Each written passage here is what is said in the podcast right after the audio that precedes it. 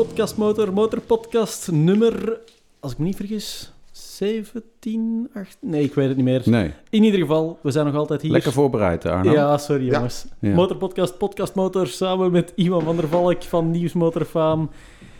Joost Overzee, bekend van Kickstart en iedereen die, eh, ja, Motor.nl, het echte motormagazine van vroeger. En ik ben nog altijd Arno Jaspers van maxmoto.be. Motor.nl wil ik even corrigeren trouwens. Oh ja, Ja. Bijzonder graag Excuseer, ja. zelfs. Ja. ja. Nee, eh, ja. Ga daar niet heen. Het schorremorie van de motorjournalistiek Ja. zit hier weer samen om het eh, eventjes te hebben over een heel belangrijk onderwerp, namelijk eh, de EICMA. En als Joost nu eens even uitlegt wat de EICMA is, dan eh, zullen wij even discussiëren wat er allemaal eh, gepresenteerd en gebeurd is. Kan je het kort samenvatten, Joost? EICMA, dat is de, de jaarlijkse show van Milaan.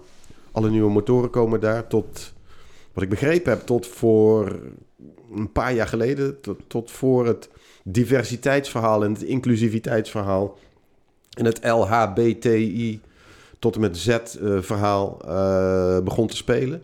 Was Mhm. het eigenlijk ook één grote speeltuin van schaars geklede meisjes van 13, 14 ongeveer? Dat is nog steeds. Ja, Oh, die dat zijn is nog steeds? Die leeftijd is wel opgetrokken.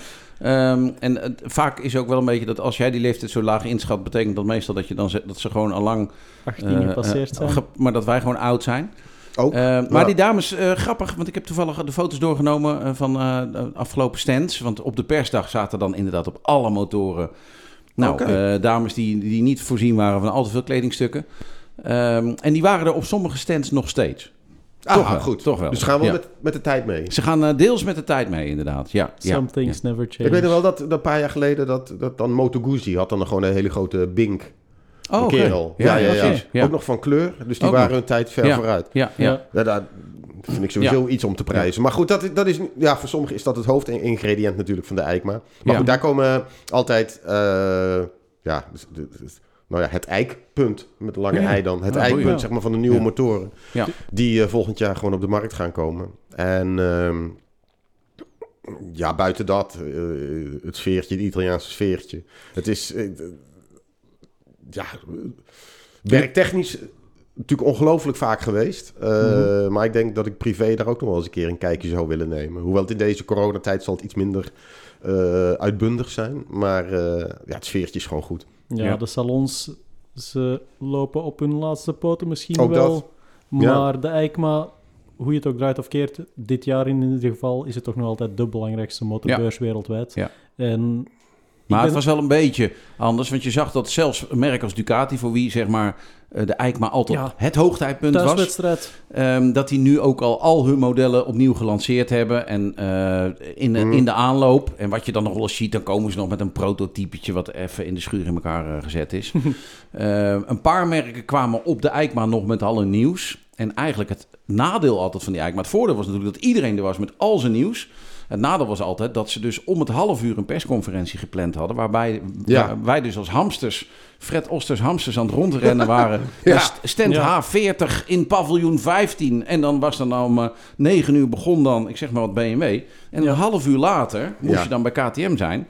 En BMW wist dat natuurlijk, dus hun persconferentie liep altijd, Altijd uit. uit. Het belangrijkste model bewaarden ze tot eh, twee minuten over half in de tijd van Ja, het volgende merk ja, al. ja. Zeker waar. Daar zat al een klein stukje naaierij bij. Toen moest je vroeger ook nog vechten dan voor een voor de perskit. perskit natuurlijk, ja. En eh, dat is allemaal niet meer. Het nadeel is dus nu dat je, of het voordeel ligt eraan hoe je het bekijkt, dat je het vanuit, vanaf je kantoor nu nog beter kan doen. Want dan heb je glasvezel, Ja. eh, internet liggen en een Mhm. eh, hele batterij computers. Terwijl je daar in een eh, krampachtige werkruimte met een bedroevend slecht wifi zit. ja. En niet alleen van je kantoor, ook gewoon de Nee. mensen thuis kunnen het veel gemakkelijker opvolgen. Want Trouwens- 9 kansen van de 10 hebben de merken een eigen YouTube-show of Ja, een ja, livestream of Ja. wat dan ook. Ja, ja. Dus, maar eh, wat Joost zegt, dat mis je dan wel, zeg maar. En dan is afgezien van de dames, maar die hele sfeer is Ja. echt Ja, dat, de gekkigheid. De Chinezen, Chinezen met half vol met lampjes. en altijd Ja. staat daar, god, dat ene Chinese merk staat er ook altijd. eh, Yamazaki.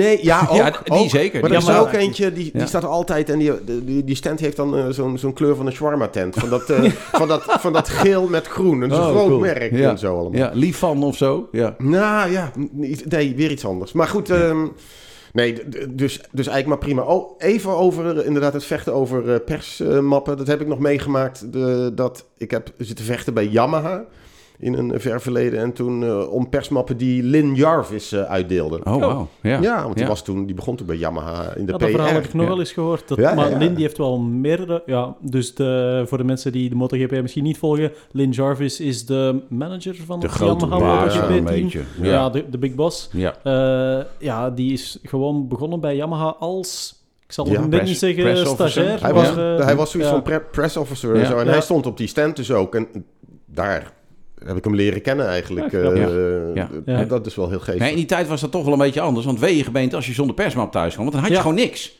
En moest je het blad die gemaakt mappen waren allemaal zo dik, want er zijn Ja. allemaal dia's in natuurlijk.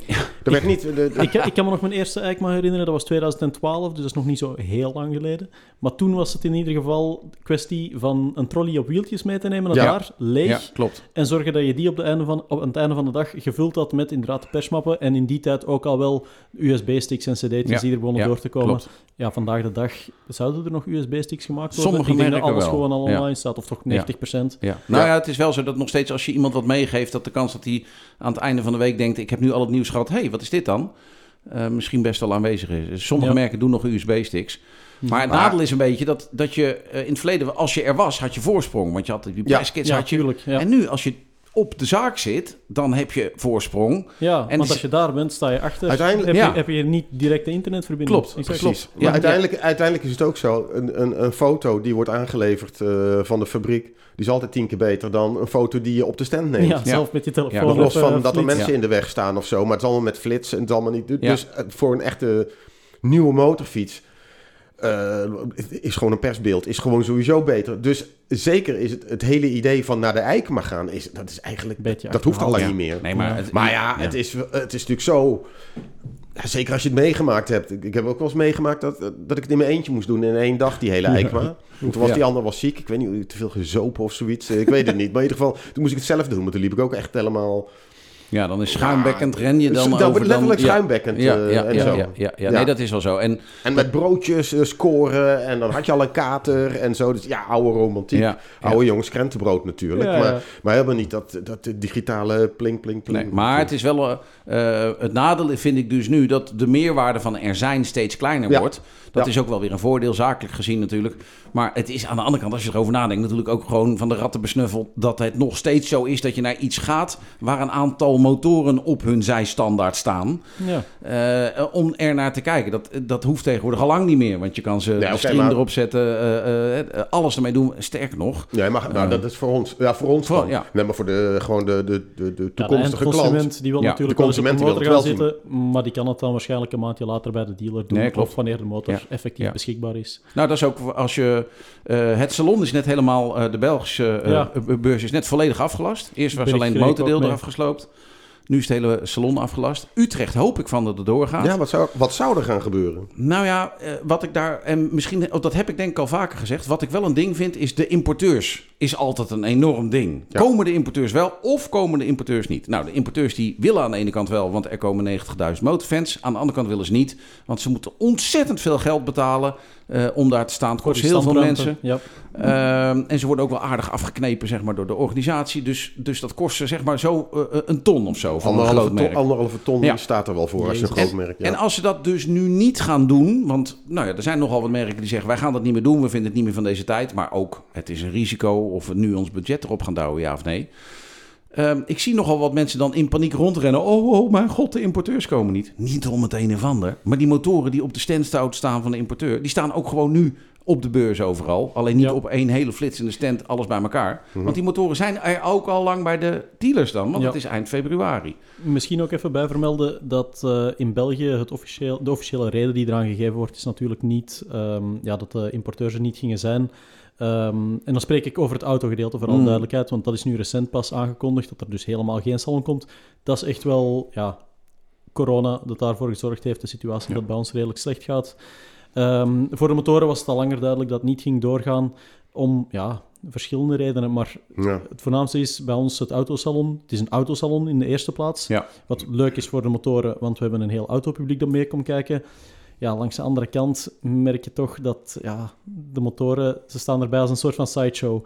En dan Mhm. wordt het voor de importeurs natuurlijk wel moeilijk om dat te blijven rechtvaardigen Ja. en rechtvaardigen, die budgetten, et cetera. Ja. Maar even terug naar de EICMA. Ja. We moeten overlopen wat de grote nieuwigheden waren Ja. op die EICMA en wie de EICMA gewonnen heeft. Want Nou ja, laten we er- eerlijk zijn, het Was is toch er- altijd een beetje een wedstrijd. tussen Was er een van ons dan? Is er Nee, een nee, nee, ik Nee, heb, ik zijn heb- geen van drieën niemand geweest. maar Nee, ik, eh, ik had een ticket. eh, sterker Nee, nog, maandag, maandag heen, eh, woensdag terug. Ik heb er uiteindelijk, ik denk voor het geval dat, Mhm. Uiteindelijk toch voor gekozen om het niet te doen. Maar heb wel de hele dag eh, eh, mezelf eh, met meerdere mensen in, de, in alle livestreams en weet ik wat gedompeld. Dus uiteindelijk aan het einde van de dinsdag, de dinsdag is altijd de persdag, Ja. hadden we toch 18 presentaties van nieuwe modellen bij elkaar Ja. gesprokkeld. En daar kwamen er woensdag dan toch nog een stuk of 10 overheen. Hm, hm, hm, Ehm, hm. dus er waren toch gewoon nog wel heel veel klassieke lanceermomenten, zeg maar. Grappig genoeg ook van merken die niet eens op de EICMA aanwezig Nee, waren. klopt. Ja, KTM. Dus ik vond het wel heel leuk. De KTM bijvoorbeeld. Ja, Ja, Dan gaat het dan ja, meteen ja, over die hijackte de EICMA gewoon even om Ja. toch nog hun persbericht erdoor te douwen. ja. En zo eigenlijk ja, kosteloos mee te surfen op de golf van de EICMA. Dat vond Ja. ik mooi gedaan. Nou, Dat ik weet niet of dat altijd waar is. Want dat is natuurlijk het dilemma, dilemma van de EICMA altijd. Aan de ene kant is het het moment om je nieuws te presenteren. Aan de andere kant is jouw nieuws er een van de... Nou, ik noemde Hmm. net een aantal. Ja. En dan hebben we het nog niet Ja. gehad over helmen, jassen... eh, weet ik veel, alle, alle onzin die je kan verzinnen... die daar nieuw gepresenteerd wordt. Dus jouw nieuws gaat wel mee in een hele grote golf. Dus ik- Ja. ja. er zijn dingen voor en tegen te zeggen. Ja. ja. De golf begon dit jaar echt wel met Yamaha. Ja, klopt. Waren, Ja, eh, ik, ja. ik weet niet of ze de eerste perspresentatie hadden, maar daar werd de dag op Ja. voorhand al redelijk wat Ja, doorgestuurd. maandagavond. Ze doen eh, ja, toch wel redelijk modellen, krijgen een grondige update of er worden prototypes voorgesteld. Ja. Eh, de XSR die is onder andere Ik heb maar één model. lichte Ja. update. Ik heb één Ehm, model als echte update eruit gehaald. Want de rest was allemaal updates. Ehm, en dat is de XSR 900. Ja. Eh, ook al de Hunchback genoemd, eh, zag ik eh, door een aantal mensen. Supermooi klassiek model, zoals vroeger de XT's. Mhm. Maar ja, dan een beetje een soort van Christian Saron sausje Ja, die- hebben ze die- eroverheen die kleur, gegooid. toch? Ja, Ja, ja, ja, ja, ja. ja, En dan een, een zadel waarvan... Ja, Nou, een beetje een zweem van Gaulois reclame er ja nou en of. en, eh, ja, nou en ja. of. Zou wel eentje voor mij zijn dan. Om die reden alleen al, Ja, eh, ja. natuurlijk. Je rookt weer, hè? Of niet? Nou, af en toe. Af Af en toe. Als, als, ik onderweg ben, maar ik ben nooit meer onderweg. Oh, dus, eh, jammer. nee, nee, maar... Ja. Nou, ik, vond die, ik vond die XSR toen... Ik, sowieso dan een interessant ding. Omdat ik in het begin had... Jezus, wow, wat hebben ze hier gedaan? Een lelijk ding. Mhm. Ja. En ik keek er nog een paar keer naar. En denk, wow, wacht even. Dit is, en dat maakt een motorfiets dan in één Ja. keer wel weer interessant. Ja. Eh, Mhm. Ik vond het toch wel cool, hoor. Nou, en dat die Wel MT-09 stoer. eronder zit. Dat is natuurlijk een fantastische motor. Uh, Ja. een of ander. Maar, maar dat is CP3-blok echt- inderdaad. Ja, is ja, goed ding. ja. Ja, maar Dus ik persoonlijk, ik vond die achter... Dat zadel vond ik net een tikje ja, nee, die vond ik juist ook wel weer... Ja? Oh, oké, Ja. cool, cool. Beetje, ja, een beetje goed fout of zo. Ik weet het niet. ja. ja. Jij... eh, Ik was niet helemaal overtuigd, eerlijk gezegd. Eh, natuurlijk, ik heb die periode van Saron en zo ook niet actief eh, meebeleefd. Maar dat had ik ook niet met eh, ja, die jaren 70 motoren, waarop dan de, mo- de moderne café-racers geïnspireerd zijn. Dat is allemaal van voor mijn tijd. Ik ken het origineel wel op foto, maar ik heb het nooit zo mee beleefd. En ik heb nu de indruk dat ze met die XSR... Ik vond de originele versie al niet helemaal geslaagd. Nee, je zag wel dat ze... ja. Ja. moderne, ja, neo-retro. Sommige slagen erin om dat design echt perfect te maken. Bij anderen was het wat minder. Ik vond bij Yamaha deze vond ik iets minder geslaagd. En om dan nu in één keer zo'n generatiesprong te maken van ja, we pakken dat model, Ja. geïnspireerd door de 70s, en nu doen we in één keer ja, Christian Saron, Gaulois, eh, GP500 erbij.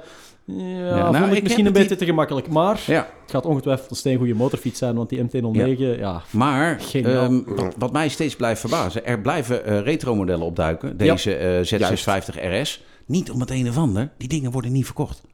Wij Die vinden, niet. wij retro, wij Nee, vinden ze nee, allemaal nee, nee, geweldig. Z900 Nou, RS. in Nederland niet, hè? Ho, ho. In Nee, dat is Nederland, in Nederland, België niet. ook niet. Bel- Ehm, België, België doen ook ze het ook niet geweldig Nee. goed, nee. nee, Maar ehm, ja, misschien de Zuiderse markten. Hè. Ik denk dat Italië, Frankrijk... ik, Mm, ik misschien- twijfel wat. maar- Weet het niet. Ja. Ik Het is makkelijk te maken, goedkoop. ook, ja. Dus waarom doe je het niet? Ik bedoel, het kost niet... eh, je zet er een ander kuipje op en eh, qua ontwikkeling ben je eigenlijk al klaar. Ik, weet, ik weet ook niet waar het aan ligt. Gewoon omdat we toch al heel lang meedraaien. En dat we die tijd ook hebben gekend, min of meer. Of in ieder geval, nou ja, in ieder geval alles maar uit de boekjes of zo. Ja. Maar van de, Ja. van de Kawasaki Z900, 1972, bla bla bla, die Z1 en zo allemaal. Dat je daardoor een beetje eh bedwelmd bent of zo. Maar, Ja. toen- maar koop je dan dat toen- ding ook? Of nou, toen ze net uitkwamen, dacht ik van... Fuck, nu hebben ze echt een goede niche te pakken. Ja. Mhm. En je ziet alleen maar van die Z900's Ja, rijden. ja, die, die, Ja. Ja. Die, Maar die, ik, denk- eh, ik denk dat, dat Ivan het eigenlijk al, al aanhaalde. Dat vooral de ontwikkeling van die motorfietsen. En dan wil ik even de CB1100 die Honda daar gebouwd had, he- he- helemaal aan de kant schuiven. Want dat Ja. was echt wel een uniek ding, zoals alleen Honda dat weer kan. Maar Ver- al die verkocht ook andere, niet. Verkocht, verkocht ook niet, maar kostte wel een heleboel Ja. meer in ontwikkeling dan de rest. Ja. Eh, als je de andere er gaat bijhalen, ja, die XSR 900, pff, dat heeft die allemaal echt niet het grote geld gekost. Die Z650 RS die we nu getest hebben, ook niet.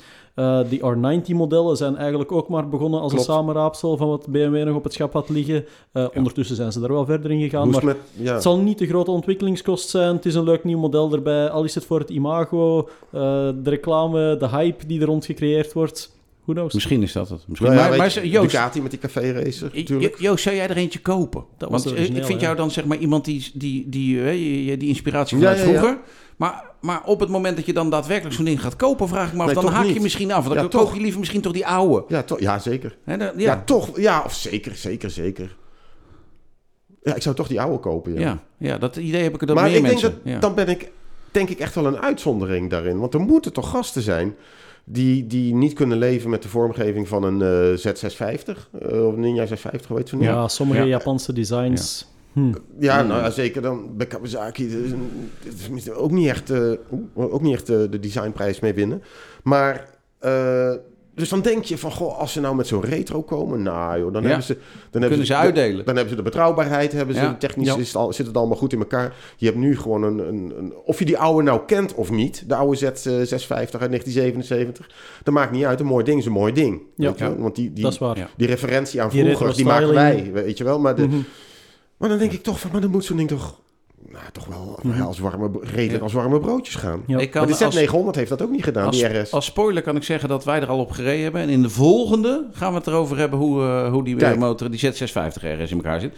Eh, als ik even iets streng mag zijn, dan moet ik nou toch naar het Eikma nieuws. Ja, oh ja. Ja, en ja, ehm, dan wou ik eigenlijk beginnen met degene die ik het, eh, eh, het minst eh, eh, hoog op je lijstje zou hebben. En die niet de verkiezing gaat winnen van de mooiste motor van het Oh. jaar. Want dat is altijd een Ducati. Ehm, maar in dit geval wordt dat de Benelli TRK 800. Ja, ja. Mooi ding. Hartstikke mooi ding. Hartstikke mooi ding. Ik weet niet naar welke foto's jullie hebben zitten kijken, maar... Ja. Nee, nee, nee. Nou ja, ik, Ja. Heb, ik, heb, eh, gek, ge- ik heb op de... Ja, Dat klinkt wel heel incestueus. Maar ik heb in ieder geval op Nieuwsmotor zitten kijken. Hey. Gewoon, eh, ja, nee, dat is echt zo. En Kickstart natuurlijk. Ja, Oh, oh, ja, eh, ja, ja, ja, ja. ja, Oké, maar jij bent al te Ja. eerder. Nou ja, maar in ieder geval... ehm, de- de- dus Benelli TRK. Op, Ja. op basis van die foto's... Ja. En, dat- en wat ik erbij dat- moet zeggen is dat dat een mooi ding. de, eh, Benelli heeft al een tijdje de TRK 502. Mhm. Dat is eh, de afgelopen maanden de best verkochte motor van Italië geweest. Hou op. Hou op. Nee, dat is echt waar. Dus dat betekent dat blijkbaar het daar, dat ding eh, is relatief goedkoop.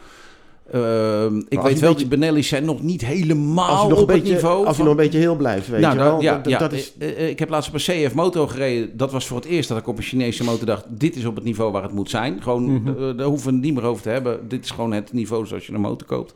Maar die Benelli's hebben dat, degene die ik laatst tijd gereden hebben, nog niet helemaal. Maar toch, TRK 502, best verkochte motor van Italië. Jezus. Ik kan me Ja. vooral herinneren dat we een perspresentatie hebben met Benelli. Ja, Leoncino. Ja, Ja. onder andere de Leoncino. Maar Ja. dat was een modelpresentatie waar dat we toen ook met die TRK's gereden hebben. Ja, toen en ik weet dat mij de toen ketting eraf. Ja, inderdaad. Maar we hebben een paar keer van motor gewisseld. Ja. Hetzelfde model. Ja, heel Geen veel enkele verschil. van die TRK's voelde aan Nee. als een van de andere Nee. TRK's. Ja. Dat is Maar misschien iets wat wel ze er nu wel uitgekregen hebben. Vijf jaar geleden of zo? Ja, het is inderdaad een tijd geleden. En moet je zegt, ze hebben wel evolutie gemaakt. Want Ja. ik heb met die Naked Bike gereden toen, die 502S. Ja, En op de achterschokbreker na is dat echt een goed ding. En ook dat motorblok, daar denk ik dat echt niet meer eh, ja, de problemen Precies. van de Chinezen van Ja. vroeger zullen zitten. ja. Maar Dus, goed, ja. dat is wel geestig om, te, om dan eh, te merken dat die Benelli dan de best verkochte Ja. motorfiets van Italië is. ja, ja. Want dan uiteindelijk toont het ook weer aan dat wij misschien wel heel erg ingewikkeld toen we altijd maar kom- terugkomen op dat, ja, er zit een Chinees motorblok in, Ja. en, eh, waar we het nu al over hebben. ja, En kennelijk voor de grote gemo- gemene delen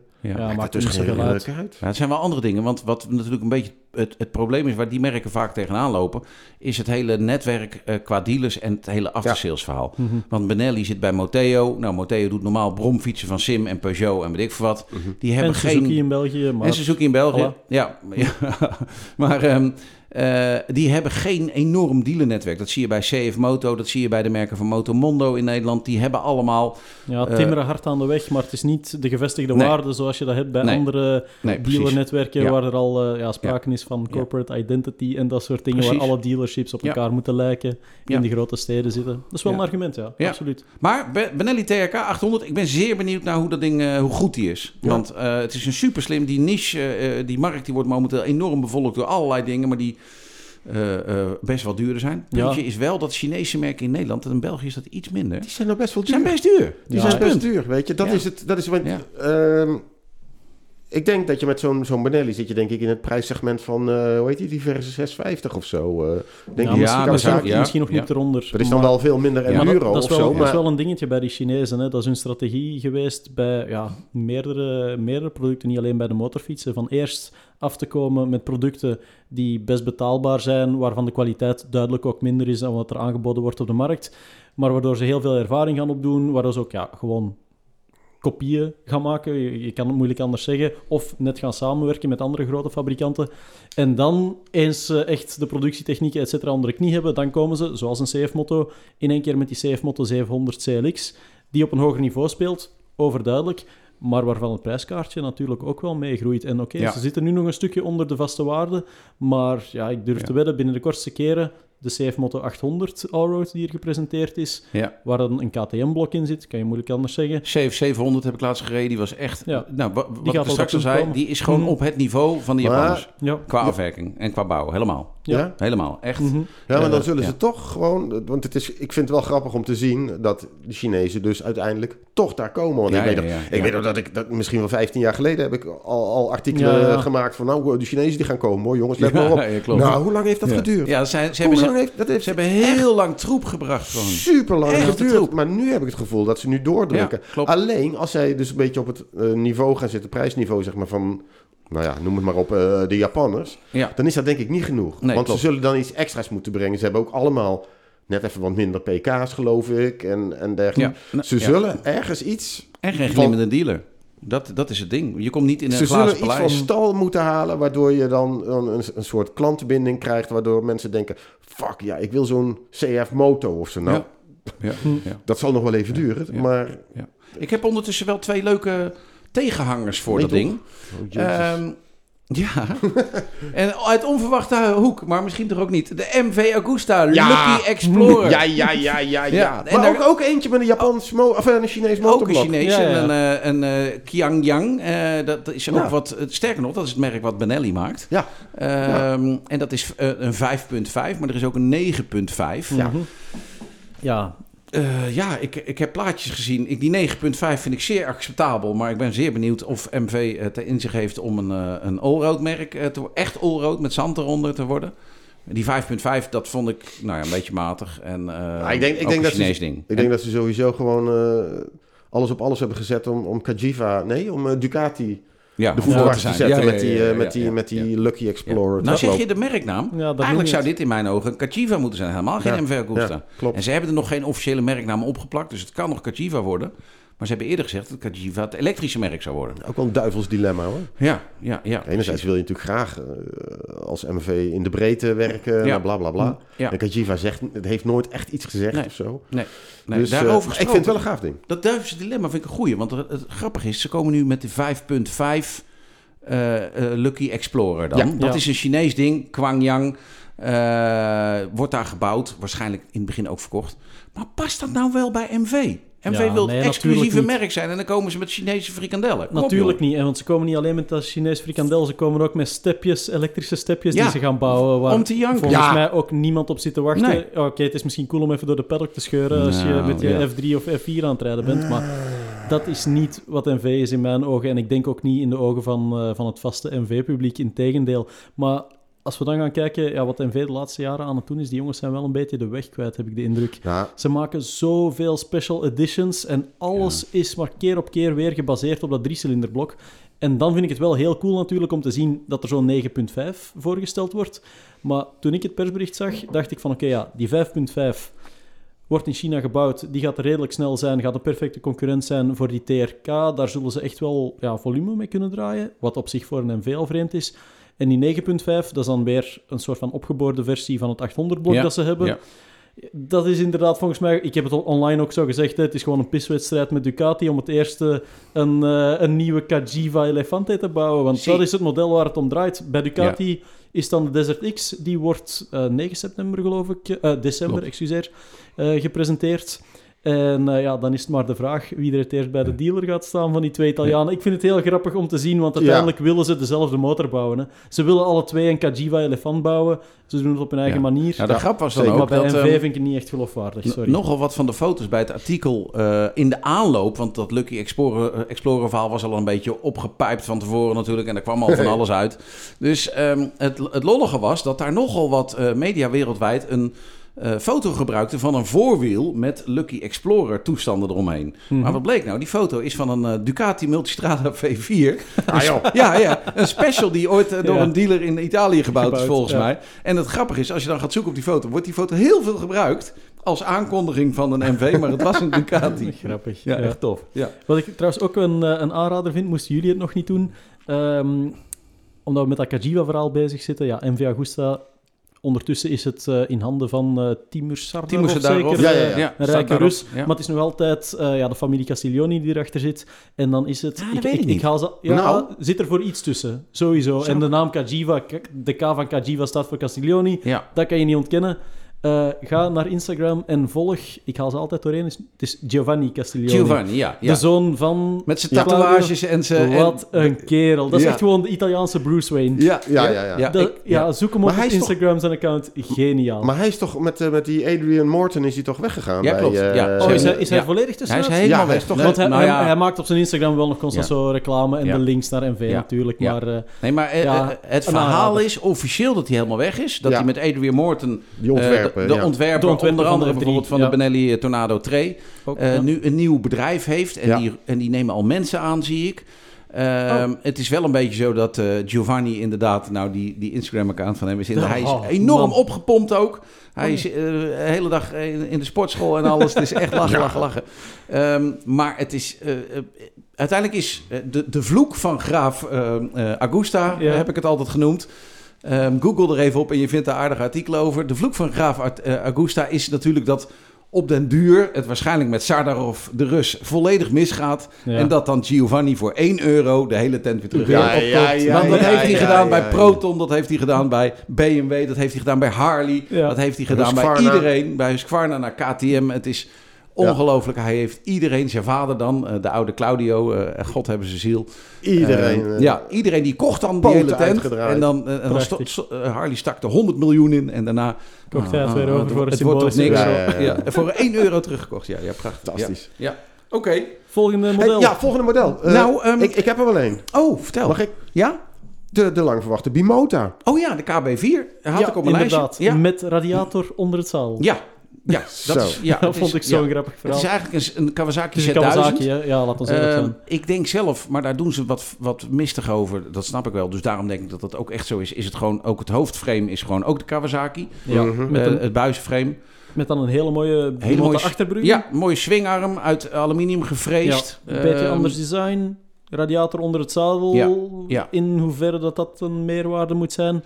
Nou ja, ik weet de laatste motor die, eh, die ik even vers eh, in het geheugen heb, heb ik net genoemd. De Benelli Tornado 2. Ja. Die Ja. had die twee mooie fans achteraan. Wat een geweldig mooie motor was dat. Ja, en Maar ze kwamen er toch achter dat er een reden was dat beide alle motoren hun radiator aan de voorkant heeft met twee Ja. fans. Ja, ja. Eh, en Bimoto heeft ook wel een beetje de reputatie om eh, het voor elkaar te krijgen. Om, om gewoon bewezen motorblokken, een TL1000 of een, eh, een, een Ducati, Helemaal naar de tyfus alsnog kapot te krijgen. Ja, ja. ja, dat, dat Na ermee te doen. TL1000 Ja. en dan zelf, je ons, zelf gingen ze een injectie maken. Ja, ja, ja, ideaal. Ja. Met, met zo'n hele kleine airbox, want het paste allemaal niet natuurlijk, Nee, want het frame nee. moest klein, weet je wel. Om dan nog niet te beginnen over een Bimota V2, waar ze Ja, dan zelf het eh, motorblok dat- dat- gingen dat- doen. En ja. ja, dat- heeft daar ja. ooit één motor echt van gereden, volgens mij niet. Ehm, Jawel, jawel. Op de perspresentatie, ja. heel even. Nou, ze zijn op een gegeven moment zijn ze ook weer terug naar cabareteurs gegaan, geloof ik. eh, Ja, bij dat kijk, ding. ja het het- was, het altijd was- dat soort verhalen ja. waar het in het honderd loopt. Jammer, Maar- ontzettend jammer, maar Ik, ik vond wel, het is wel, qua, het is wel weer een soort van huzarenstukje. En dan het grootste eh, daarin vind ik vooral, hoe krijg je het voor elkaar om een degelijk Japans bedrijf als Kawasaki de, de factuur te laten betalen? Ja. Ik snap niet hoe ze het voor elkaar Nee. gekregen hebben. Het schijnt dat er een Japanner is eh, in Kawasaki Europe die, die Een daar heeft voor passie voor heeft. Ja. En die gezegd, nou ja, dan kopen we die tent toch en dan gaan we daar... eh, nou ja, eh. maar ik, ik, Ja, jezus, als je het eindresultaat ziet. Zeg. Het ziet er wel- Sorry, ja. Vind, vind je mooi? Nee, ik vind die RC vind ik echt heel lelijk. Die, die racecafé. Ja. ja. ja, en die andere vind ik Ja, die heb ik nog niet speciaal goed, echt genoeg. goed gezien. Ja, Ja, die vind ik speciaal genoeg om een bimota te zijn. Maar om nou te zeggen, ja, het blijft een Z1000 met een andere achterbrug en een ander spulletjes eromheen. Ja, Ja. qua, qua rijsensatie zal het... Het blok van de Z1000 kennen we wel een beetje. Dat is een en al gelijkmatigheid. Ja. En je moet in zo'n ding, dan moet je om te beginnen... moet je daar wel een, een loeder van een blok hebben. Iets van een MV Agusta, drie cilinder of zo. Klopt. Zo'n Ja. zo'n gillende Of keukenmeid. een turbo of zo. Ja, of een turbo, doen we Ja, gewoon gekkigheid. Ja, maar als je zo'n ja. zo'n keurige... Nou ja, goed. Hij zal nog wel de trillingen hebben van de Z1000. Dat is dan wel... oh, dat is Oh, vals. laten we hem verder niet te Oh, veel dat is afkaken. Het vals. blijft, een Nee, hele nee. goeie- blijft een steengoede motorfiets, hè, jongens. Eh, Z1000. ja, absoluut. absoluut. Dat is Ja, gewoon dat is een keigoed ding. Ik vind het, Ja. Maar ik vind het alleen vreemd dat net Bimota op zoiets springt, zoals je al aanhaalt. Ja, ja, ja, precies. En Vol- vooral omdat die Z1000... Maar als het, gek, als het gek is, dan is het eigenlijk per definitie goed, vind ik. Voor, voor Bimota wel. Ja, ja. Ja, Ja, voor ja. zo'n merk absoluut. Ja. Gewoon lekker gek Helemaal doen. mee Ja, eens. Helemaal mee. Alsjeblieft. Maar ja. onder, onder Japanse leiding ben ik benieuwd hoe gek gek gaan worden. Maar- Jezus, ja, nou zeg. Ja. Ja. Dat gekke dat ontbrak gewoon een beetje op de Eikma. hè. Ja, ja. Ja. Wat, wat, het, gekste dat we gezien hebben, ik denk dat we het met die Lucky Explorer wel gehad hebben. Eh, nou, er waren nogal wat, wat Chinese dingen, toch? Die voorbij kwamen. En de mooiste daarvan was, dan moet ik het goed zeggen... dat was toch CF Moto, volgens Ja, mij, hè? Inderdaad. Die kwamen met een prototype, zeg. Holy shit, was wel een sportding. Gaat er niks van verkopen, gaat er ook nooit komen, gok ik. Mhm. Maar hij zag er wel als proto fantastisch uit. De SR21 was de werktitel, Ja, zal ik het maar SR zeggen. heb ik gezien. En 21 on- weet ik niet ondertussen. Ja, ondertussen heeft hij volgens mij ook al een beetje een andere naam gekregen. Het blijft een lettertje soep. Maar ja, ja inderdaad, een soort van combinatie van een Panigale met een Aprilia Tuono. Ja. Ja, Ja. hey. Geen zever. Dat ding ziet er fantastisch uit. Zeker dan ook met de mooie eh Acra-uitlaatjes, zoals die op de Ducati World Superbike motorfiets zitten. Ehm, Maar het is dan wel een 400cc. Ja, en het, en het is een proto. eh, de Kimco, Ja, het is een prototype natuurlijk. Kimco had ook zo'n ding, toch? Twee jaar ja, geleden. twee jaar geleden ging Kimco met een eh, 500 pk elektrisch eh alles Oh, kunnend wonder ja. komen, waar we ook nooit meer van gehoord hebben. Dus Ik heb knows? iets. Oh, Ja, ja. ik heb iets. Nou, komt het. Gewoon even tussendoor, Ja. maar anders ga ik het vergeten. Nee. Nee, ik heb, eh, afgelopen week was ik even een beetje aan het verdiepen in Polaris, in die side-by-side, die vier Ja, ja, die ja. Ja. woestijndingen. Ja, En daar hebben ze er een, die hadden ze al trouwens of zo, maar nu hebben ze ook een viercilinder. Maar dan hebben ze een, eh, bij, bij een van die modellen een 925 cc staande tweecilinder met turbo met Ja. 181 pk. What? Dus 925 cc staande tweecilinder. holy Ja. shit. Dus Ja, dat moet zo iemand compact als wat. even in Daar hangt wel een WeFrame, ding, eh, Ik zat toen ik het las, want ik, ik ben daar verder helemaal niet in, eh, in thuis in die dingen. Toen Mhm. ik het las, dacht ik gelijk... Maar jij bent er wel in thuis, want ik zag dat jij daar een Ja, presentatie oké, deed dat, of zo. dat deed ik dan wel. Maar Ja. da- daarom moest ik me een beetje inlezen. En zo. Maar ik denk, de tandjes, waar hebben we het Ja. eigenlijk allemaal over? Met een dubbele turbo. Als je gewoon een twin bouwt van, van dik 900 cc, wat een... Ja. Wat zitten we dan nog te eikelen met, met onze 115 pk? Of, Ik bedoel, is snel zat, dat weten we wel. Maar gewoon Ja. wat, een, wat een 890 Juke of zo allemaal. Wat hebben die dingen? Iets van 120, 100... Ja, 120. pk. Hallo, hallo Bimota, horen jullie dit? Nee, maar serieus, ja. Ja, ik zag Ja. wel een naked, eh, Ja. of een, een naakte foto van dat ding. Dus er zat wel gewoon een grote turbo aan. Ja. Cool. Maar ja. ik denk dan gelijk van, kom op motorfabrikanten. Ja, ja. Maar goed, Ja. dit Dat- is geheel even Dat terzijde. hebben we dan niet gezien op de Eikma. Nee, Dat- maar- nee, nee, nee, Nee, nee. maar die stond er Ehm, ook niet. Ik zit aan mijn laatste motormodel, dus jullie mogen erover Ah. nadenken. Dat Oh, zegt er ook wel wat. Want Laat ik heb, horen. ik heb alle andere modellen, heb ik eh, het lijstje bekeken. dacht ik, ja, dat is eigenlijk een update. Dat is een upgrade, dat is een update. Mhm. Ehm, het, het bizarste is dat op Nieuwsmotor het best bezochte artikel ging over de Moto Guzzi Ja. V100 Mandello. Ja. Terwijl ik dat echt een ding vind om te zien. Dat ik denk, nou jongens, als je hier 100 jaar over gedaan hebt om dat qua uiterlijk... Nee, serieus. Nee joh.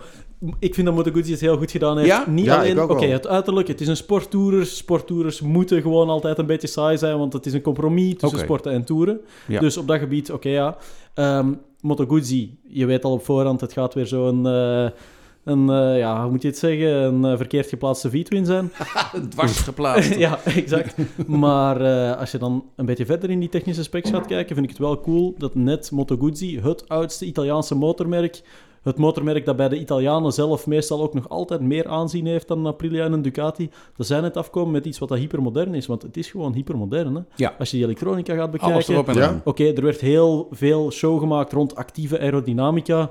Ja. In hoeverre dat dat eh, Ja. de grote nieuwigheid is, Dus de, dat, Vind de, ik maar een dat de, de vraagteken. kuipdelen meebewegen. de kuipdelen ja. bewegen mee. Het- Ja. Je zou het bijna kunnen vergelijken met als Ducati in de MotoGP niet alleen winglets had, maar dat de winglets ook nog eens gingen bewegen Mhm. om zich aan te passen aan bocht, whatever.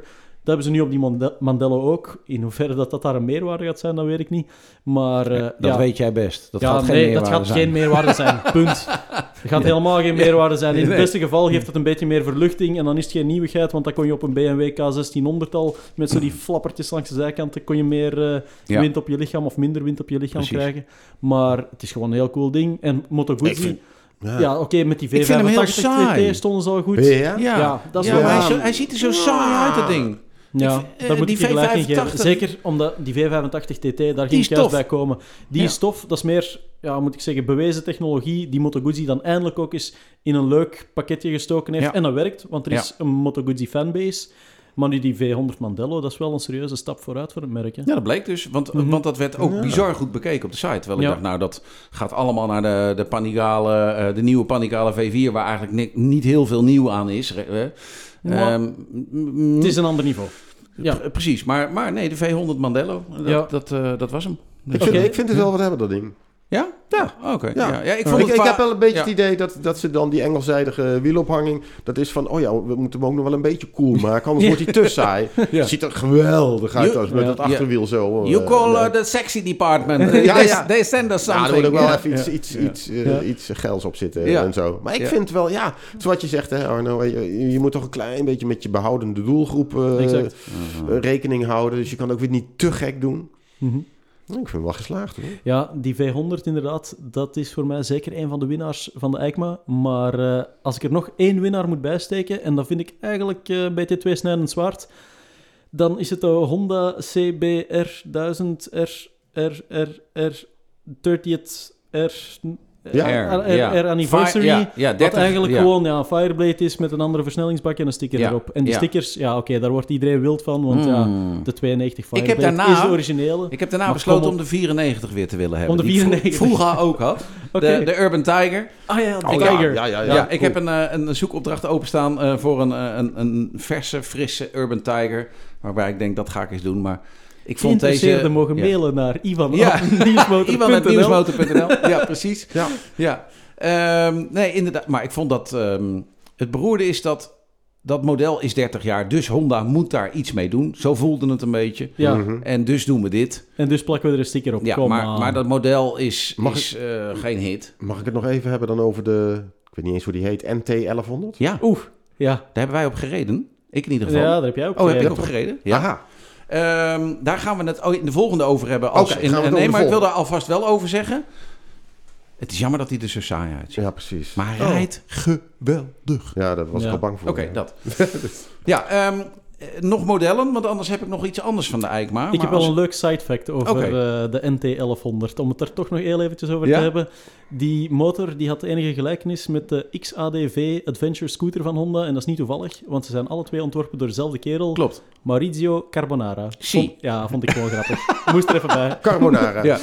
Ik had gelukkig een van onze voorrijders reed op zo'n ding. Dus ik heb ook een foto dat ze naast elkaar staan. Ja. En dan lijken ze inderdaad wel heel erg op. Van de voorkant vind ik de XADV trouwens cooler. Maar Dat wel. Ja, kijk. Ja, ja, maar eh, Mijn god. alle voorkanten vind ik cooler dan de NT1100. maar hij ziet, hij rijdt, jongen, echt, nou ja, Ja. eh, eh, hij rijdt geweldig. Ehm, is echt... een ander Hoe dingetje. saai wil je me krijgen? Ja, En dan ja, de ja. kleuren. Dan je hem in het antraciet en in het zwart Ja. of zo, geloof ik. Ja, zwart en, zo- en wit. Sa- de- saai wit, Ja, saai wit sa- ja, ja. ja. ja, en ze hebben hem ook Nul. NT1100 genoemd. De laatste NT die ik me goed herinner was toch de NT700V. Dat was het ook zo opwindende model. De Zo. Deauville. De Ja, ja, ja, ja, ja. Ja, precies. Alright. Ehm, het modelletje waar we het nog even moeten over hebben, vind ik toch wel als die Panigale. Je haalde hem daarnet aan dat er niet zoveel vernieuwd aan is. Maar eh, ja, binnenkort kunnen we er meer over zeggen. Want we, ja, we? Nee, ik ga er meer Jij gaat. Ik mag daar de- mag ik ja. Daarom zeg ik dat er Ja. niks nieuws aan is. Ja. Nee, nee, nee, nee. Ik, Zo eh, ik ben toch wel even verschoten van Ducati, want dit is dan geen officieel EICMA gepresenteerd model. Het werd eh, de avond na de EICMA gepresenteerd. Maar eh, ja, Ducati Normaal gezien maken ze er een hele show van als ze een Superbike vernieuwen.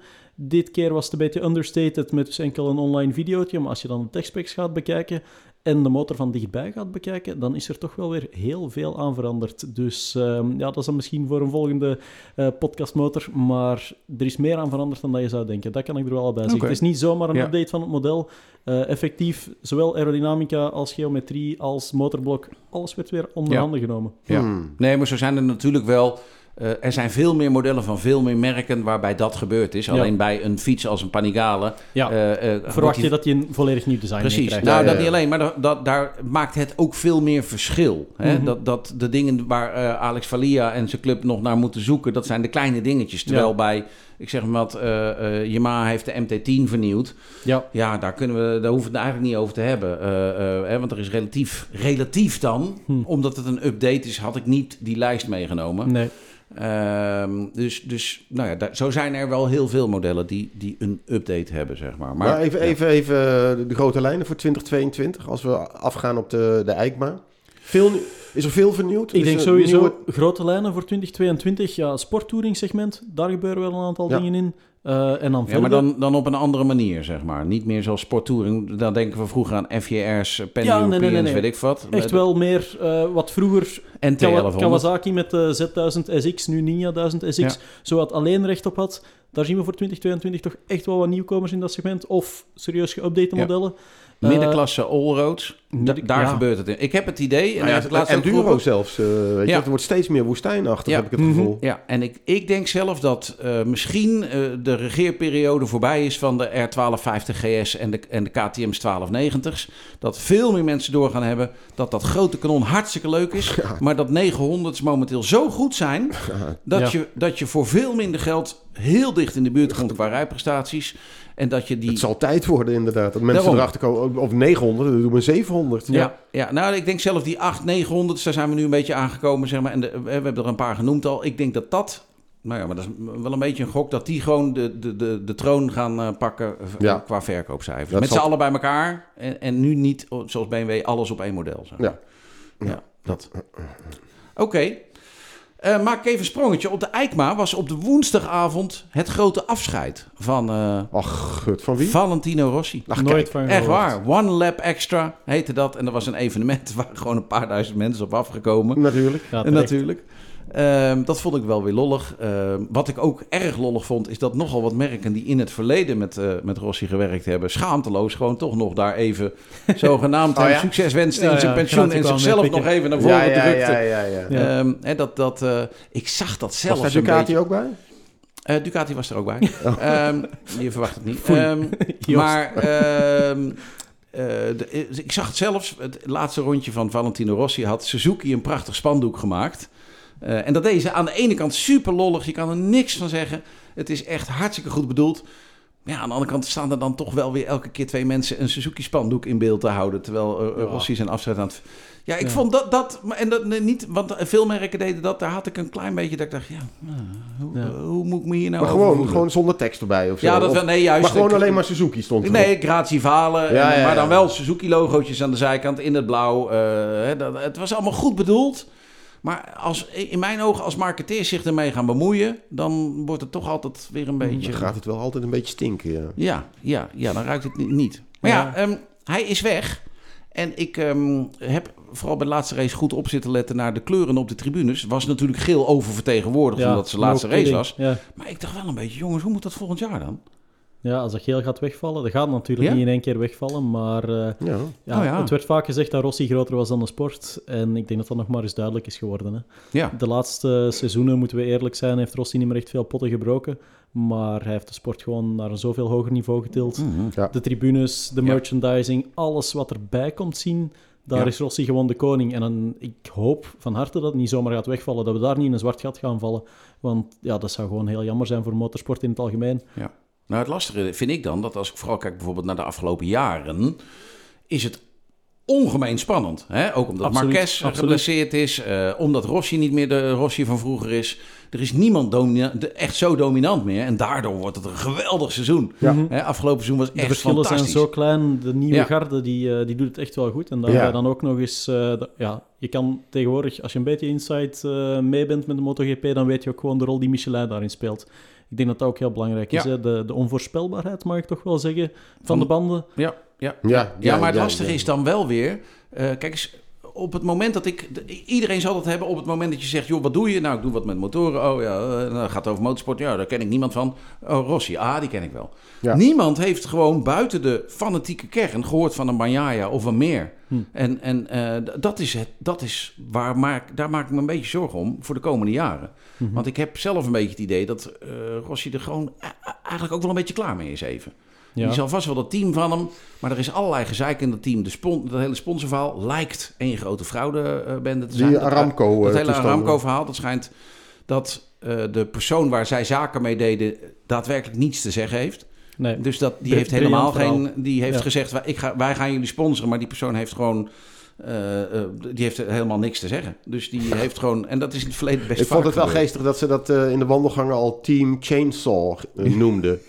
Daar ben ik niet mee. Dat is team. Chainsaw, de Team Kettingzaag. Ja. Gewoon Ja. omdat eh, met eh Khashoggi, Ja. weet je wel, die, die diplomaat die in stukken is gehakt in die Ja, ambassade ja, ja. en dergelijke. Dus Oh, ja, dat was Aramco, eh, Ja, dank ja, u wel. nee, nee, het, waar. het mooie aan dat hele verhaal vond ik dat het effectief ging om een Arabische prins die de geldschieter was. En dat is toch echt wel gewoon, ja... Ja. Hoe doen we dat nu? Ja, neem een verhaaltje van die Nigeriaanse prins en eh pas Ja. een beetje aan. Ja, ze ja. trappen er wel In het verleden zo vaak gebeurd, bij alle sporten overigens. Daar- daar- ik denk dat je er boeken vol over kan maken. Dat mensen aangekomen zijn bij een sportentity, zeg maar, een team of een club of een rijder of ik. Mhm. Die hebben gezegd, joh, ik, eh, ik eh, kan dat allemaal fixen. En, eh, en die worden dan in de watten gelegd, die worden nog eens ingevlogen, die worden gedineerd, eh, wine, dine, het hele spul natuurlijk, want dat is de grote sponsor. En dan blijkt er gewoon aan het einde van het liedje helemaal niks van waar te zijn. Ja. Ja, dat Helemaal was zo nul. typisch. Ja. Voorafgaand aan, eh, aan onze podcastmotor hadden we ook even gezegd, met het afscheid van Valentino Rossi, dat we toch eens moesten nadenken over de mooiste Valentino Rossi-momenten Ja. die we ons konden herinneren. Ja, Ja, was ja. dat niet voor het jullie er volgende onderwerp eigenlijk? Eh, dat sluit een beetje aan bij wat we het nu hebben. Dus Oh, we gaan kunnen- gewoon door dus nu. Dat kunnen we nu gewoon nu doen, toch? Knal er Nou, maar in, jongens. Nee, nee, doen we gewoon Brand- in, brand we maar weg. knallen gewoon nee, door. in, deze, in deze ene aflevering houden we dat wel. Ja, Want goed. de volgende aflevering gaat over eh, het rijden met de motoren. Waar, dus deze past gewoon nog in de eerste aflevering. Ja? Ah, joh. Dus jouw beste verhaal met Valentino. Rossi, Joost? Ja. Eh, hoe, hoe lang heb je? Kort. Een minuut of drie. Go. Oké, eh, gaan we terug naar... eh, eh, God, hoor, opa verteld. Eh, nee, uh, Dainese had... De geboorte. Dainese had jaren geleden deden ze Legendary Tours. Dat was dan door Italië, Mhm. door de Dolomieten, door Toscane en dergelijke. Dan toertochten van een dag of vijf met allemaal nieuwe motoren die geregeld waren. Was echt picobello, allemaal geregeld. En eh, daar hadden ze dan ook altijd eh, coureurs bij. Bijvoorbeeld Alright. de ene keer eh, deed dan, eh, reed dan een dag eh, Simoncelli, die was mee geweest, notabene. Eh, Max Biaggi, in ieder geval allemaal Alle Dainese figuren. Ah, ah, nou ja, goed, die moesten er allemaal zijn. En op een gegeven moment ja, was het toch jaar na jaar... eh, Oh ja, Marco Lucinelli ook wel echt zo lachen. maar jaar na jaar werd er op een gegeven moment... begonnen mensen toch al steeds wat te vragen van... ja, op een gegeven moment, moet- op een gegeven moment wanneer moet komt toch die? wel gewoon... want de enige echte Valentino Die heeft Rossi... ook Corvée gewoon op een gegeven moment. Op een gegeven moment Ja. moet eh, Rossi natuurlijk mee. Nou, uiteindelijk is dat eh, gebeurd. In ieder geval s'avonds is dat geweest. Die heeft een dag- niet een dag meegereden. Maar s'avonds werd hij ge gefetteerd op Mugello. Buiten zeker van de regen. Ze moesten nog buiten moesten ze nog een eh, eh, parade eh, lap rijden of zo. Ja, dat ja. was dan hij met eh, Agostini en eh Schwans was erbij. Door de zeikende regen in het donker over Mugello. Gelukkig, ik heb de foto's nog één grote droefenis. Ja. Maar in ieder geval, er waren wel alweer mensen allemaal toegestroomd. En ja, komt hij binnen in zo'n zaal daar op Mugello. Ah, dan komt er wel iets binnen, weet je wel. Dan Ja, is het ja, toch wel... Ja. Dan is er wel de, de grote god, eh, die komt eh, dan binnen. Daar word ik zelfs wel een beetje verlegen van. Mhm. Wel nu, in ieder geval, wij gaan, het hele feest is afgelopen. Wij rijden met de motor in de zeikende regen nog steeds. Rijden wij naar het hotel toe. Waar iedereen dan eh, zou slapen. Het was een mooie herberg. Grote herberg, eh, op zijn Italiaans, mooi sfeertje en dergelijke. Dus niet een of ander, eh, een of andere Hilton hotel op een, op een industrieterrein. Iets leuks. Nee, echt, echt perfect. Maar in ieder geval, alle journalisten en dergelijke, nou, in ieder geval een man of veertig met de hele organisatie erbij, die gingen naar de balie van het hotel om daarin te checken. Maar goed, het was niet zo'n grote balie, klein hotelletje natuurlijk, dus dat duurde heel lang. Ik had dan gelijk eh, al bekeken, ik stond achteraan de lijn, ik zag al 40 man voor mij staan. De bar. En ja, het ik ken je. ja, ja, ja, precies. Dus, is zonder je te verkleden natuurlijk, zeiknat. Ja. Gewoon de bar in. Dat is een- een van de grote voordelen als je aan de drank bent. Ja. Je weet gelijk toch wel weer eh, de bar te vinden. Dus ik sneak hem erin. En kom die bar binnen. Een lege tent, helemaal met hout. eh, Een klassieke, klassieke Italiaanse bar. In een hoekje er zit een, eh, een verliefd stelletje. En ik kom gelijk bij de bar aan. Ik, ik kom binnen, ik loop daar. En ik had even vijf seconden nodig om te kijken wat er gebeurde. Maar er stonden drie mannen aan de, aan de bar. Waar ik gewoon, hier stonden ze. Hm. Dat was dan Giacomo Agostini, Kevin Schwans en Valentino Rossi. Ja. Die stonden, die, stonden een bier, die stonden een biertje te drinken. En ik kom dan binnen. En iedereen stond daar, gewoon verderop, met Ja, 40 man in de rij. Ik denk, mooi, dat heb ik goed bekeken. maar dan, wat, wat doe je dan? Ik Ja, ken jou. In die, in die, tijd, af, in die tijd ging jij eerst wat te drinken bestellen. Ik denk, ja, ja, zeker. Natuurlijk, ja, eerst, ja. eerst drinken bestellen. Ja. Maar wat ga, je, doen? wat ga je doen? Ja, je stapt op die mannen af. Je, dan? je- je Ja, of niet. Ja, en dan? Of niet. en Nee. dan, Of niet? Of niet. Ik, zou met mijn mond vol tanden staan, Ja, maar precies, eh, ik ook. begin- Ja. beginnen te spreken over je bewondering en Ja. weet Ik zou niks- ik het. zou Nee, maar niks ze zaten gewoon echt gezellig. En het allermooiste was nog... Valentino, die zat te lurken aan een flesje Nastro Azzurro. Ja, Oh, wauw. Kon niet beter. Ja. Maar die mannen zaten over koetjes en kalfjes te praten. Er was verder helemaal niemand bij. Nee, die laat je met rust. Het zijn, het zijn Die, net, het zijn die net- laat je met rust. Ja. Nee, want het zijn net mensen, zo'n MotoGP-piloten. En als het dan jouw helden zijn, dan moet je er toch gewoon even Nee, op zijn minst nee, goede nee, dag Ja, maar gaan wat voor zeggen. foto... Ja. Maar, maar oké, dan wil je een foto maken. Maar wat voor foto heb je dan? Ja, Hmm, ja, ja. doe je ook weer niet. Dat doe En, je ook weer dus niet. je hebt ze met rust gelaten. Nou, in ieder geval, ik zat... Ik was helemaal... Ik denk, godverdomme, ik moet die foto hebben dat ik... Dat Valentino, die zit daar gewoon Naast aan de Nastro. En Ja. ze zaten echt waar, waar jullie zitten. Ja. Ik stond hier. Dan had ik Kevin Schwantz, die had ik al eens eerder, een jaar eerder geloof ik, meegemaakt met een GSXR-introductie. Mhm. En eh, die, die- die had ik al een keer meegemaakt. Nou, in ieder geval, ja, oh god, duurt allemaal veel te lang Ja, natuurlijk. schiet op. Eh, du- dus eh, dus ik, ik, ik werd er wel, ik denk van ja, kut, ik moet die foto hebben. Maar uiteindelijk, die zat al zo'n beetje laatst even met rust. Weet je, ja, die, die kwam er naar me toe van ja, nee, dat doe dat nou maar niet en zo allemaal. En het is de beroemdste foto die ik nooit gemaakt heb. Ik heb geen foto gemaakt. ik heb Ah, alleen ja, maar ja, een ja. beetje met ze even zitten babbelen. Maar ik heb geen foto ervan Dat gemaakt. ik. Dus ik kan het ook niet bewijzen. ja, dat hoeft ook niet. Maar ik dacht echt zo van, blij dat we dat laat- even hier hebben Ja. kunnen man- in de podcast. Ja, Laat ja, die ja. mannen even met Ja. rust. Dit, Ja. dit is jouw moment van glorie wat zich alsnog uitbetaalt, ja, Joost. ja, daarom. Dat Dit is hem, vond ik ja. zo, Ja. zo bijzonder. Cool. Maar die zenuwen die je dan hebt. Ja, ja, ja, ik snap ga het. ik nou doen? Ga ik snap nou doen? moet ik nou doen? Jij, eh, Arno? Ja, ik heb natuurlijk niet de eeuwenlange ervaring die jullie in de motorjournalistiek Oh. hebben, maar ik heb ook wel eh, ja, eens een paar keer met coole mensen in contact gekomen. Maar eigenlijk mijn beste herinnering, het is, het is tweeledig. Eén keer, eh, toen was ik al motorjournalist, had ik tickets kunnen regelen en best goede tickets voor, eh, voor de TT in Assen, want zo gaat dat dan als je journalist bent. En eh, ik had een meisje mee en die is eh geweldige fan van een eh, bepaalde MotoGP-piloot. Zij is eigenlijk veel fanatieker in MotoGP dan ik.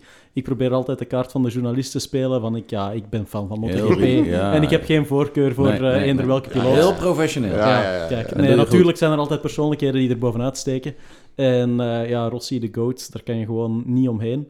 Maar eh, we waren op die TT, heel leuk event. Ehm, ja, goede plekken gehad, mooie TT gezien. Ik weet zelfs niet meer wie er gewonnen had. Ik, ik geloof dat het eh, de editie was waar Jack Miller hem, eh, hem won voor Mark Ferrea's team nog. Ja? In, in ieder geval, eh, aan het einde van de dag bestaat In de mijn regen meisje... dus. In de regen. Ja, ja, ja, in de dus de- regen. ja, Aan het ja, einde ja. van de dag, scheidweer, inderdaad, eh wilt mijn meisje absoluut gaan aanschuiven voor handtekeningen bij een bepaalde MotoGP-piloot die niet Valentino Rossi is. En eh, ik zei van, ja, sorry, maar dat ga ik echt niet doen. Ik ga door naar de Dan ben ik wel auto. benieuwd wie dat is. Ja. ik ga door naar de auto. Dat is voor een andere aflevering. In ieder geval, ehm, ik, stap ook. door eh, richting auto. En je weet, ja, bij Valentino Rossi aanschuiven voor handtekeningen, dat is gewoon onbegonnen werk. Ja. Die kerel die wordt gestalkt langs alle kanten, Ja. kom je niet bij. En ehm, ja, op dat moment ben ik door de paddock aan het stappen en komt Rossi daar voorbij gescheurd, achterop, op een scootertje. Eh, moet hij stoppen, omdat hij even niet door de massa kan. En ik stond ernaast. En het was eigenlijk... Ja, ik zal niet zeggen dat het een verhaal was zoals bij jou aan de bar met, met Schwanz en Agostini. Maar eh, Rossi die stond naast mij op de scooter. En ik keek naar hem en hij keek naar mij en hij reed door. En dan vond ik... Dat was ja, al- ik, ik was ook... starstruck tot en met. Maar wat ik daaraan wilde koppelen was dat ik het jaar daarna gewoon op de tv gekeken heb. In de pizzeria bij mij in de buurt, waar de uitbater ook geweldige fan is van Valentino Rossi. Pizzeria Sole in Wilrijk. Niet betaalde reclame. Maar die zat stampvol met mensen die anders nooit naar de MotoGP zouden kijken. Ja, En je hebt het Ja. net al gezegd, maar dat is gewoon de grote sterkte van Rossi. precies. Iedereen in die tent was aan het supporteren Ja. voor Rossi. Iedereen ging uit de bol. Eh, dat is een wedstrijd die Rossi volgens mij nog gewonnen heeft toen. Eh, ja, dat is voor mij het mooiste moment. Gewoon die, die verbroedering onder de Rossi-fans. En In een Italiaanse pizzeria. in een Italiaans... Ja, oh, ja, ik man, dat was zo Ja. geniaal. En dat is hetgene wat ik ook veruit het meeste ga missen Ja. aan, eh, aan dat hele Rossi-verhaal. Want ik geloof nooit dat dat snel gaat terugkomen in de MotoGP. Nee, dat wordt lastig. Dat wordt lastig, ja. De kracht is natuurlijk van hem altijd geweest dat hij overal mee wegkomt. Weet je. Hij is groter dan de kutstreken die hij ook uitgehaald heeft. Met uh, Gibernau, met, eh met BRG, met Casey Stoner en zo. Ja, Dat, Ja. dat, Marquez. daar wordt niet over Ja. gesproken. Nee, nee de- en ze- begin er ook maar niet Begin over. er Want zeg je dat, begin nog een keertje over Sepang en dan heb je nog eh, 2015. doodsbedreigingen bijna. Vraag Ja. dat maar aan de mensen van Racesport. Ja. Ja. Dat is echt niet te zuinig, joh. Ja, Mhm. cool. Oké, Iwan, nou, dat, eh, eh, mijn verhaal wordt een beetje aangewakkerd door het afscheidscadeau. Hè. We hebben natuurlijk wat merken die zichzelf op de voorgrond eh, gedouwd hebben rondom het afscheid. Nou, Yamaha was daar natuurlijk zat eerste rang. Uiteraard.